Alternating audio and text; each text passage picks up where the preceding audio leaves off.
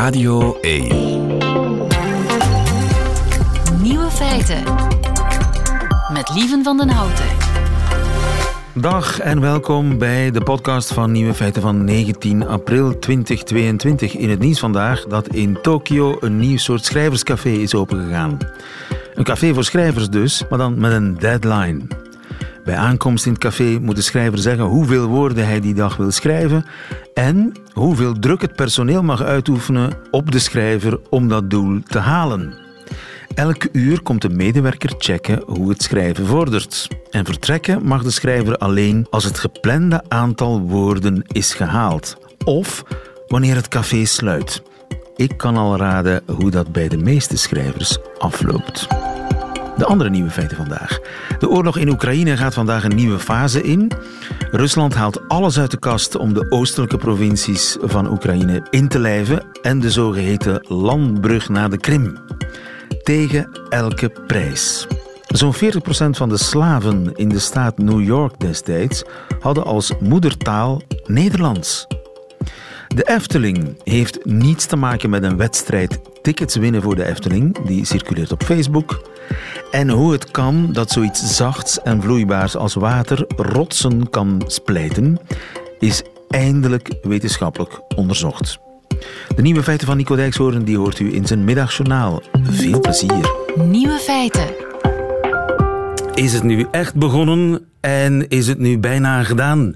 Dat zijn de twee belangrijkste vragen in verband met uh, Oekraïne. Jens Fransen zoekt mee naar het antwoord. Goedemiddag, Jens. Goedemiddag, lieve. Defensiespecialist bij VRT Nieuws. Ja, die uh, Zelensky die zegt het is begonnen. De definitieve zware slag om de Donbass. Ja. Klopt dat? En dat lijkt wel degelijk zo uh, te beginnen, want niet alleen uh, die Oekraïnse president Zelensky zegt dat, maar een aantal hoge Russische bronnen hebben dat vanmorgen bevestigd. Ja, die slag om een aantal van die oostelijke gebieden, die is nu volop begonnen. En dat is toch een stukje verrassend eigenlijk, want eigenlijk gingen veel waarnemers ervan uit dat Rusland iets meer tijd zou voorzien om zijn eigen troepen die de voorbije maanden toch, hè, we zitten intussen tijd aan eh, dag 50 plus, die zware verliezen hebben geleden, om die een stukje te gaan herpositioneren, beter te gaan aanvullen.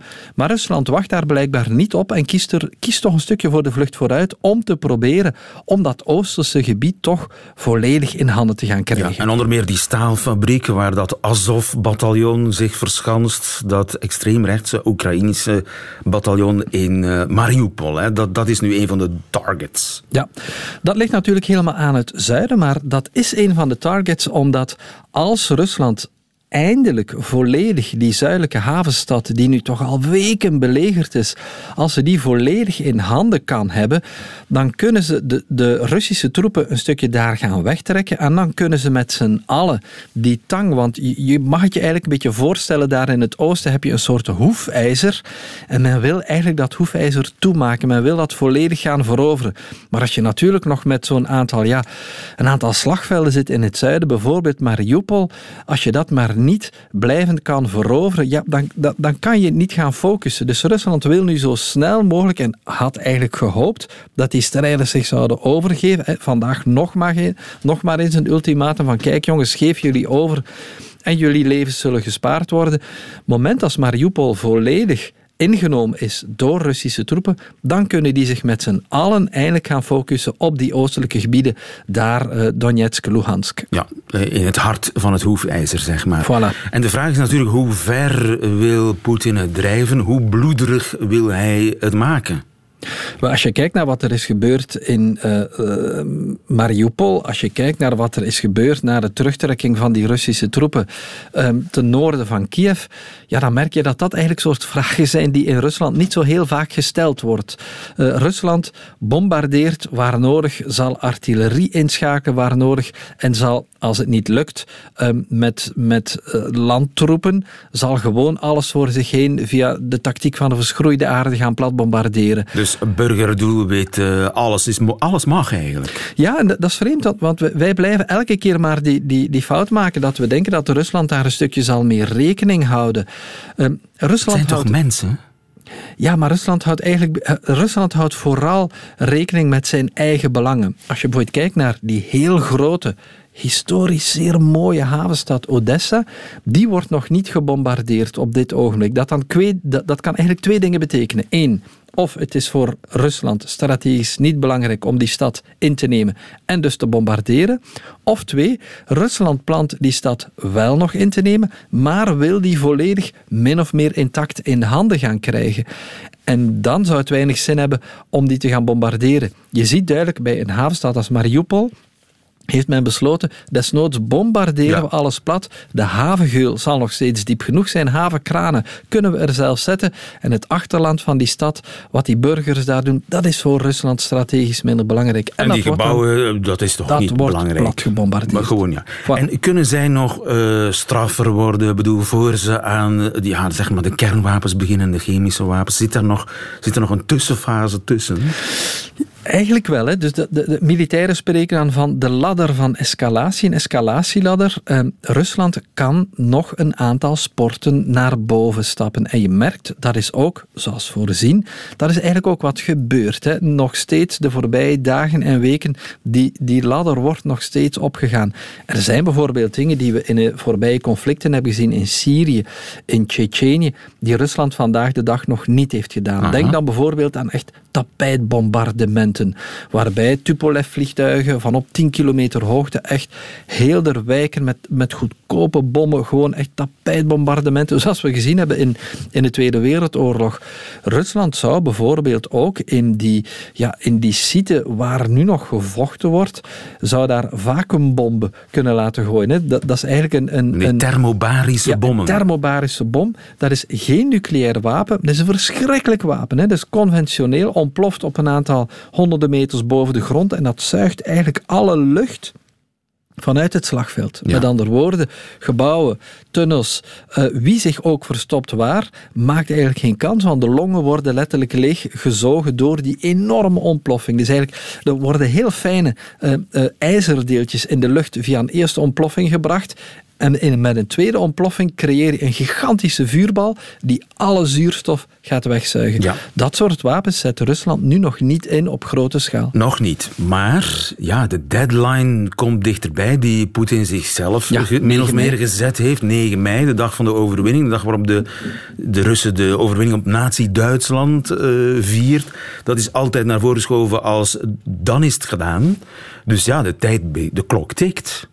Maar hoe dan ook, of Rusland nu zal mikken op 9 mei of niet, Rusland heeft een aantal overwinningen nodig vooraleer het eigenlijk echt aan tafel zou kunnen ehm, serieus gaan onderhandelen. Rusland heeft een aantal strategische objectieven gezet. Die lagen wellicht in het begin van de oorlog anders dan nu. In het begin was dat wellicht het volledig omverlopen van het Oekraïnse leger, wat dus niet gelukt is, en een nieuw regime installeren, wat ook niet zal lukken.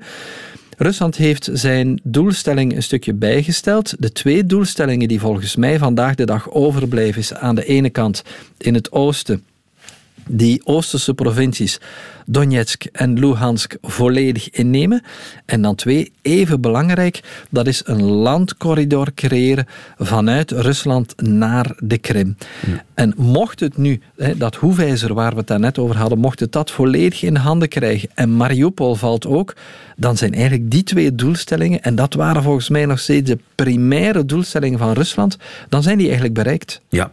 En eh, ten allen prijzen moet dat gebeuren.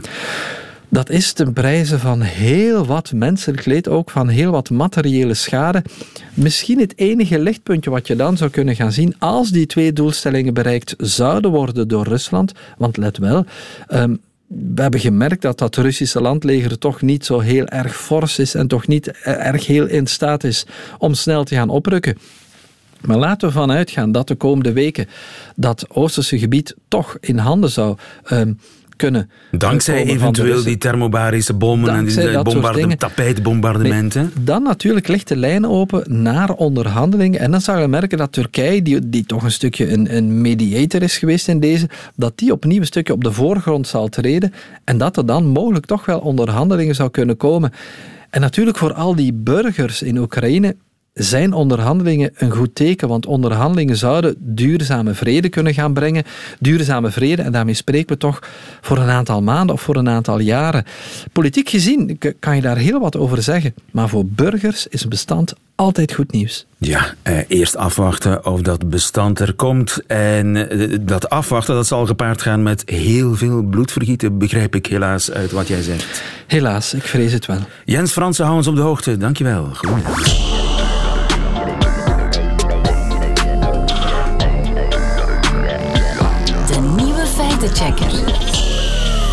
Gratis tickets voor de Efteling. Wie kan eraan weerstaan? En toch roept de wedstrijd om die tickets te winnen heel wat vragen op. Heel veel mensen krijgen tegenwoordig via Facebook bijvoorbeeld de kans om mee te doen aan zo'n wedstrijd om uh, tickets voor de Efteling te winnen. Tickets ter waarde van, het zijn weekendtickets, 100 euro alstublieft.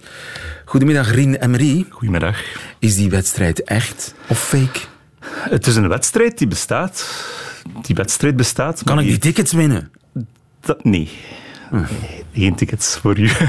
Ehm, de wedstrijd bestaat, maar die heeft niets met de Efteling te maken. Ah. ja, dus ik ga ze. Eh, het Hoe werkt dat dan? Ja, het is eh, ongelooflijk ingewikkeld. We zullen beginnen bij dus een snowdaad. Ja. Daarmee begint het meestal. Ja. Mensen zien een advertentie op Facebook, een gekochte advertentie, die komt van een profiel dat de Efteling heet, de Efteling BE. En die beweert van ja, we zijn uitgeroepen tot beste pretpark doe mee met onze wedstrijd en je kan gratis tickets krijgen. Men belooft veel tickets. Ja. Um, heb jij meegedaan? Ik heb deze keer niet meegedaan, omdat ik weet hoe dat het werkt uh, en wat er, wat er volgt als je meedoet. Dus als je daarop klikt, kom je terecht op een klein Google-formuliertje, een, een soort tussenpagina, waar je een paar vragen moet invullen, over de Efteling onder andere. Maar als je dat verzendt, dat was nog niet de wedstrijd blijkbaar. Word je doorgeleid naar een echte wedstrijd. Ook met het logo van de Efteling, win hier een weekendticket voor 100 euro. Uh, maar als je ergens zo klikt op die pagina en je scrolt een beetje naar beneden, staan er beneden allemaal kleine lettertjes. En daar staat onder andere eh, ja, de, de logos die je hier ziet, uh, ja, die zijn puur illustratief en we hebben niets te maken met het bedrijf als uh, organisator van de wedstrijd. dat zijn dus de zij dekken zich juridisch dekken zich in door die kleine lettertjes die niemand leest. Maar die kleine lettertjes zijn zo moeilijk te vinden, omdat er is geen scrollbalk in je browser aan de rechterkant om naar beneden te scrollen. Je moet echt klikken op een stukje van de site en dan met een pijltje op je toetsenbord naar beneden gaan eer je de kleine lettertjes ziet. Dat is het eerste.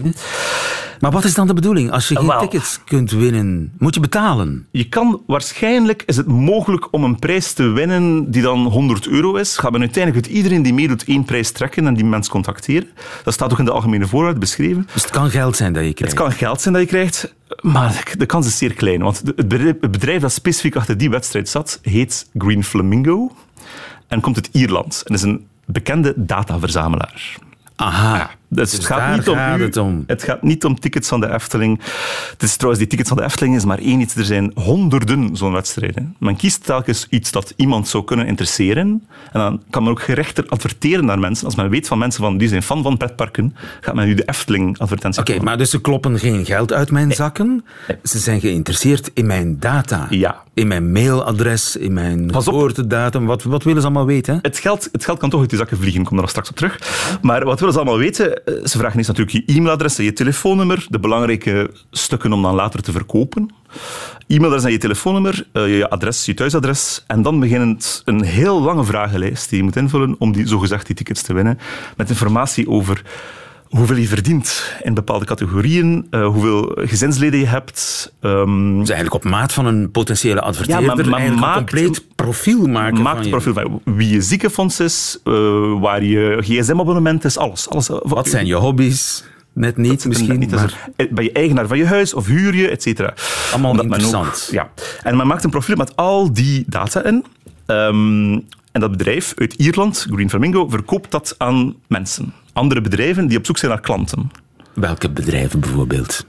Bedrijven die niet, meestal niet weten dat ze verwikkeld zitten hierin. Um, Zoals? die maken gewoon contacten. Die maken bijvoorbeeld ehm, Luminus, Proximus. Grote bedrijven. Ja, verschillende ziekenfondsen, Eneco, energiebedrijven, ehm, ja, beveiligers, ehm, alarminstallaties. Testaankoop las ik ergens. Testaankoop staat daar ook met zijn logo tussen. Want waarom? Je je kan het eigenlijk weten. Als je bij de kleine lettertjes opnieuw nog eens gaat kijken, staat er van...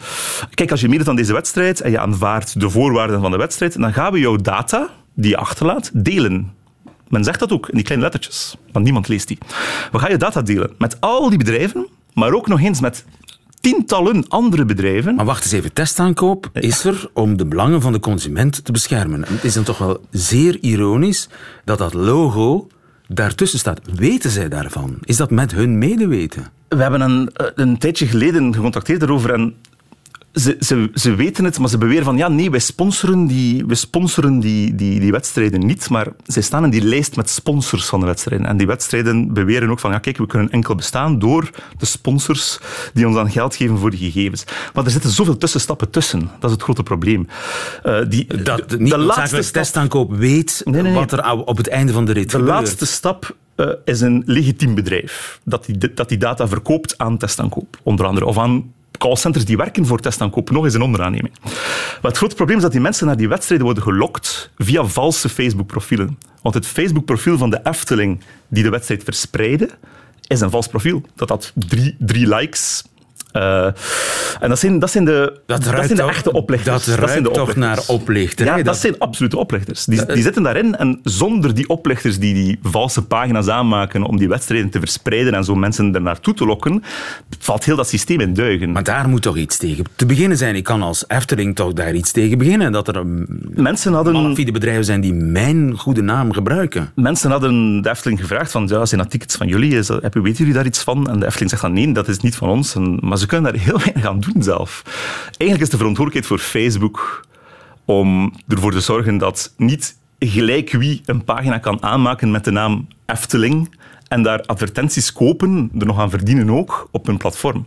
En die advertentie is na vier, vijf dagen is die offline gehaald. Toch. Maar veel te laat natuurlijk, want ondertussen waren al eh, honderden mensen ingetrapt. Nu, ja. nu, als je in de loop van zo'n wedstrijd om tickets te winnen al die dingen moet invullen, zoals je inkomen en of je je huur En het is telkens hetzelfde. Het is dan telkens moet er toch ergens een eurotje... eh, Voilà. Al- Als je, als je ooit aan zo'n wedstrijd meedoet en je, en je merkt van ik moet hier veel te veel vragen invullen, zelfs al ben je al vijf minuten bezig, stop. Stop, stop, stop ermee en doe er niet meer aan mee verder. eh, Stop het. Goede raad van onze Ja. nieuwe feitenchecker. Dankjewel en tot volgende week.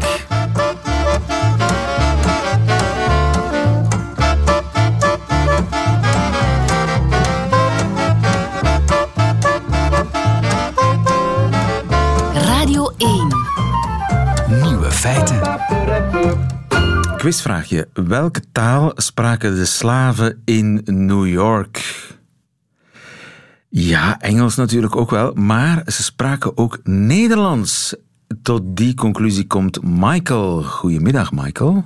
Hoi, goedemorgen in Amerika. maar In- goedemiddag ja, België. goedemorgen. Ja, heel vroeg in Amerika nog. Want eh, jij zit in de bergen in de buurt van eh, Washington, D.C. Eh, je bent op en top Amerikaan, maar hebt nog in Nederland gewoond. In Leiden en in Amsterdam.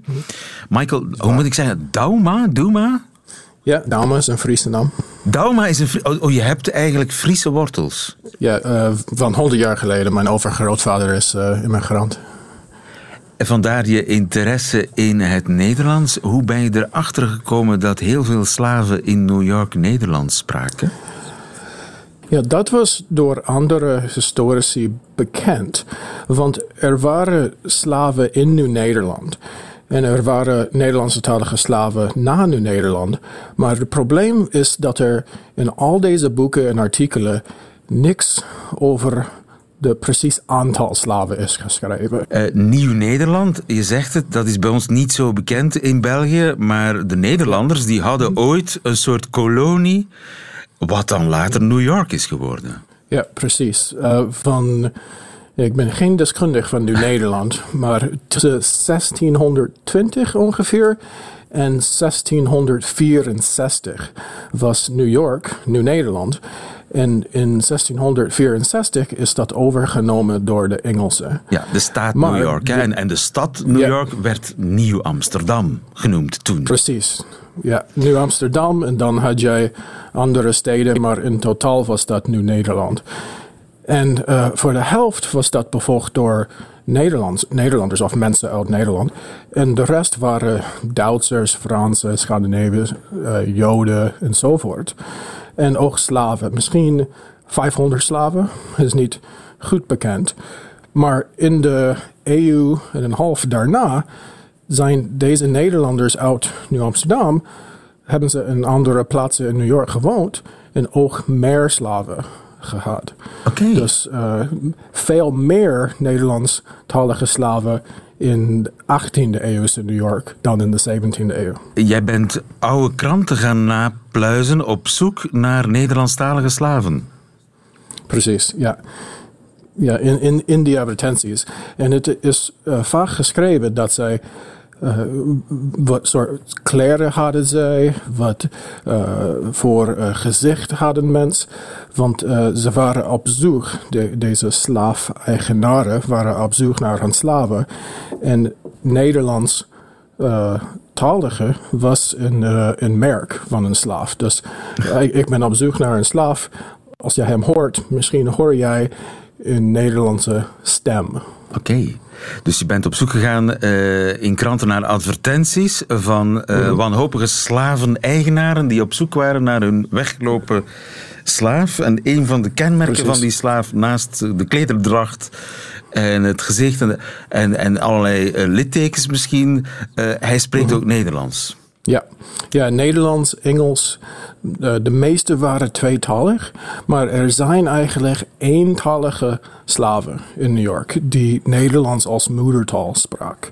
En dat vond ik heel interessant. En dat is eigenlijk in het jaar 1800 of 1810 zijn er slaven geboren op de boerderij ergens in New York die geen Engels sprak.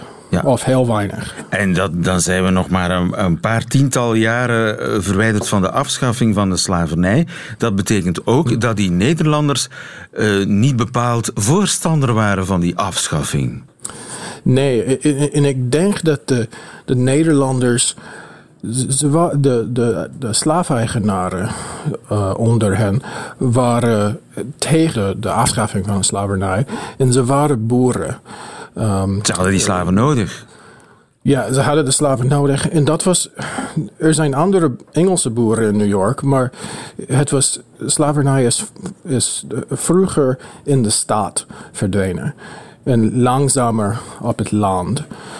En eh, omdat de Nederlanders meer op het land woonden, eh, bleef slavernij langer. Maar het was ook waarschijnlijk een deel van hun cultuur. Dat slavernij voor hen was gewoon van natuur. Dat was wat zij eh, sinds eeuwen eh, gekend hadden. Ja, dus die, die Nederlanders waren het zo gewoon om slaven te hebben dat ze er moeilijk afscheid van konden nemen. En wat, wat jou verbaasde was het aantal, de hoeveelheid slaven.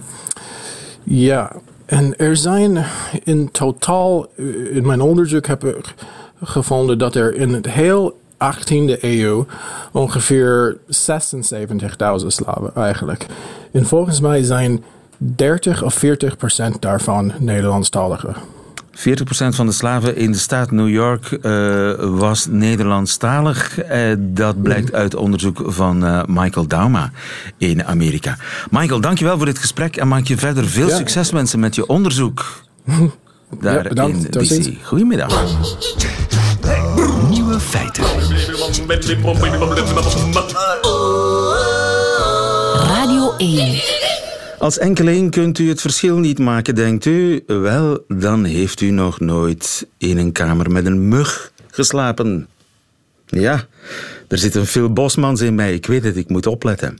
Voor de jongere luisteraar, Phil Bosmans, Wikipedia. Anders gezegd, voelt u zich machteloos? Beeldt u zich dan in dat u een druppel bent die op een rots valt?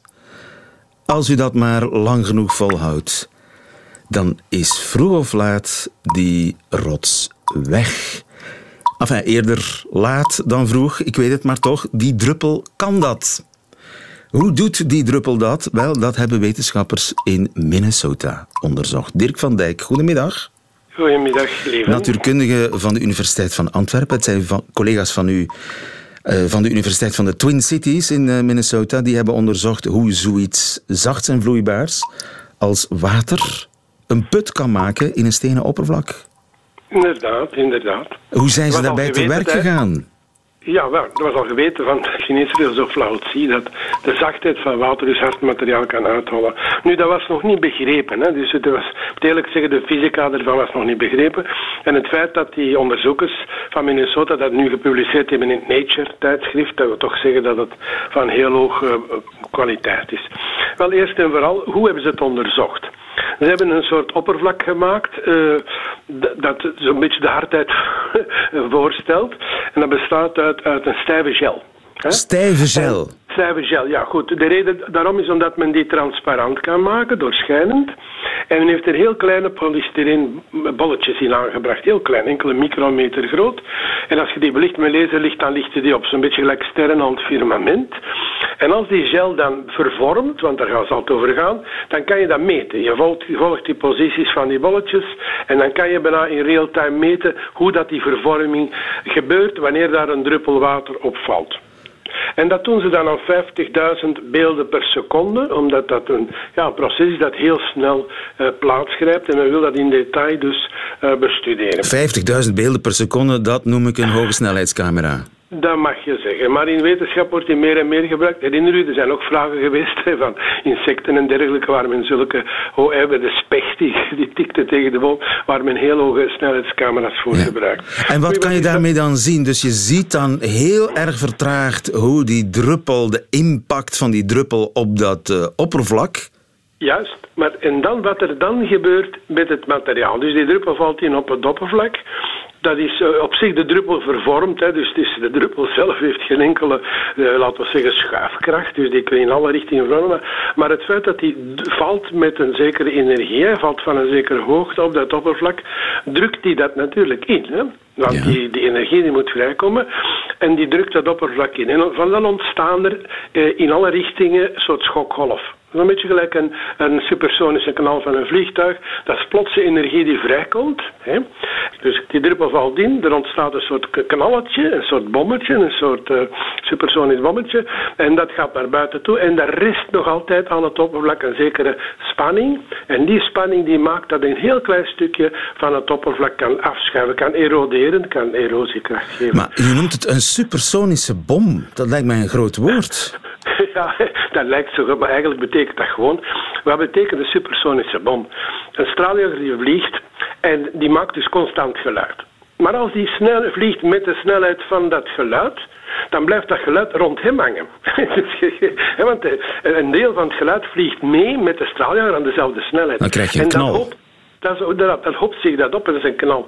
Dat gebeurt alleen als de straaljager sneller vliegt dan de geluidssnelheid. Hm? Of, of even snel dan de geluidssnelheid. Dat is wat er hier ook gebeurt. Dus die, die, die schokgolf die van dat druppeltje ontstaat, die beweegt even sneller voort dan de snelheid van het geluid in dat materiaal.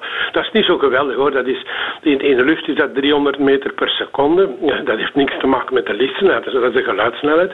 En in dat materiaal is dat ook iets van die orde. Ja. En het kan goed zijn dat onmiddellijk na die impact, dat die zo snel is, hè, pakt in 50.000 van een dat die eventjes sneller is dan, dan, eh, dan het geluid. Dus het hoopt zich even op voordat het geluid zich kan verplaatsen. En geluid hier in dit geval is die, die vervorming. Dus uiteindelijk gaat die, die spanning op, opgepompt worden. En dan eventjes eh, gebeurt dat, ja, laten we zeggen, gebeurt dat redelijk nou, traag ten opzichte van de verplaatsing. Dus eigenlijk hoopt zich dat op en dan plots komt die, die energie vrij onder de vorm van een soort knalletje. Ja, en is het die knal die die eroderende kracht uitmaakt van die Ja, druppel dat is water? Inderdaad, dat is correct uitgedrukt. Die knal, de, de, het restant van die knal dat aan het oppervlak komt. Hè, want de erosie gebeurt dan heel aan het oppervlak, niet binnenin. Hè. Dus die knal die dijt uit. En hetgeen uiteindelijk aan het oppervlak komt, dat, dat, uh, dat blaast de stukjes van het oppervlak weg. En dat, uh, dat maakt eigenlijk het af, dat wil zeggen het erosie, de erosie van het oppervlak. En als je daar heel veel druppeltjes na elkaar hebt, dan wordt dat op den duur toch wel merkbaar. En toch, eh, dat kan dus een heel stuk eh, inslijten in, in het hardste materiaal. En wat weten we daar nu mee? Wat kunnen we daar nu mee met die wetenschap? Ja, dat is weer een typische vraag. Die Ja, ik- het nut, hè? Het nut. Ja, ja, eerst natuurlijk, de wetenschap gaat over eh, verrassingen. Hè. Hoe komt het nu, hè, wat ook de Chinese, eh, of, de, of de, de, de, ja, de Chinese wijsgeer wisten, hoe komt het dat zo'n zachte druppel dat kan? Dus men wist het niet. Dus men gaat dan onderzoek doen en dan probeert men te begrijpen. Zodra men begrepen heeft, en dat heeft men nu, men heeft ook wetten van de fysica daarvoor kunnen maken, die kloppen. Dus men weet, men heeft het onder controle. En nu kan bijvoorbeeld men denken aan coatings, hè, bijvoorbeeld bepaalde bedekkingen van materialen om ze, om ze weerbaar te maken tegen, tegen de, de in- impact van druppels. Erosievrije materialen ontwikkelen. Dat kunnen we nu, nu we weten Inderdaad, inderdaad. hoe precies die eroderende kracht van de druppel water werkt. Ja, zo is het. Dankjewel Dirk van Dijk. Dat is goed, even. Goedemiddag. goedemiddag. Dag. En dat waren ze, de nieuwe feiten van vandaag, 19 april 2022. Alleen nog die van Nico Dijkshoorn heeft u te goed. U krijgt ze in zijn middagjournaal. Nieuwe feiten. Middagjournaal. Beste luisteraars, Tanja en ik, wij zijn op zoek naar een nieuw bankstel. Wat er nu midden in de kamer staat, dat doet ons te veel denken aan de vorige eeuw. Een vreemde bank met 34 kussentjes en het zogenaamde lounge voetenbankje eraan vastgemaakt. Net zoals dat met badstof haarbanden is gegaan en de blauwe enkellaarsjes voor mannen, voelt lounge inmiddels als iets wat alleen nog in hele slechte strandtenten wordt gedaan. Lekker horizontaal, met een jazzhoedje op je hoofd, kreeften lumpiaatjes eten en ondertussen luisteren naar een eindeloze stroom murmelmuziek op 76 beats per minute. Zo een bank is het inmiddels geworden, die ons doet denken aan een periode in ons leven die we liever snel vergeten. Toen Tanja en ik nog wanhopig probeerden aan te haken bij de aanstormende jeugd om ons heen. Aan onze bank moesten mensen zien dat wij er nog toe deden. En dat effect is inmiddels volledig verdwenen. Er staat een zwaar gedateerde bank in ons huis, met een kuil op de plek waar ik al die jaren televisie heb zitten kijken. En dat zijn mooie herinneringen. Misschien houd ik het kussen, met de vorm van mijn reet in spiegelschrift in de bekleding geponst. De laatste weken staan Tanja en ik opeens in woonwinkels. Een korte impressie, luisteraars. De English country living stijl die komt weer helemaal terug. Je brood serveren in een oude koperen pispot. Je tafel die ziet eruit alsof hij net is aangespoeld op het strand na een tsunami. Maar luisteraars, wat ik u wil vertellen is eigenlijk dit. Ik moet steeds midden in woonwinkels, terwijl iedereen naar mij kijkt, op een bankstel zitten en dan moet ik hardop zeggen hoe hij zit. En de eerste keer zei ik: Ja, lekker. Maar dat was blijkbaar niet genoeg. Drie dagen geleden zat ik, heel vreemd, recht op een bank, met alleen mijn onderrug tegen de roze leuning. En ik zei: Ja, dit is een bank die uitnodigt tot urenlang staan. En dat was dan ook weer niet goed. Nu heb ik voor het volgende bezoek aan een hippe woonwinkel de volgende tekst uit mijn hoofd geleerd als ik op een hard rood kussen zit en onhandig op een stalen buis leun. Ik ga zeggen, ja, deze bank die tilt het zitten nu al een volgende eeuw binnen. Een spetterend zitgebeuren met een olijke knipoog naar het oude zitten. Weet je wat? Doe er maar twee.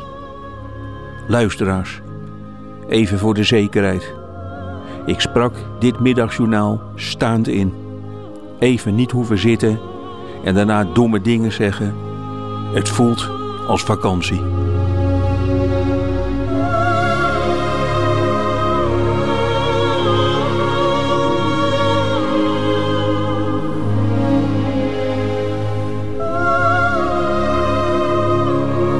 Middagjournaal met Nico Dijkshoorn. Einde van deze podcast hoort u liever de volledige nieuwe feiten, dat wil zeggen met een muziek erbij bijvoorbeeld.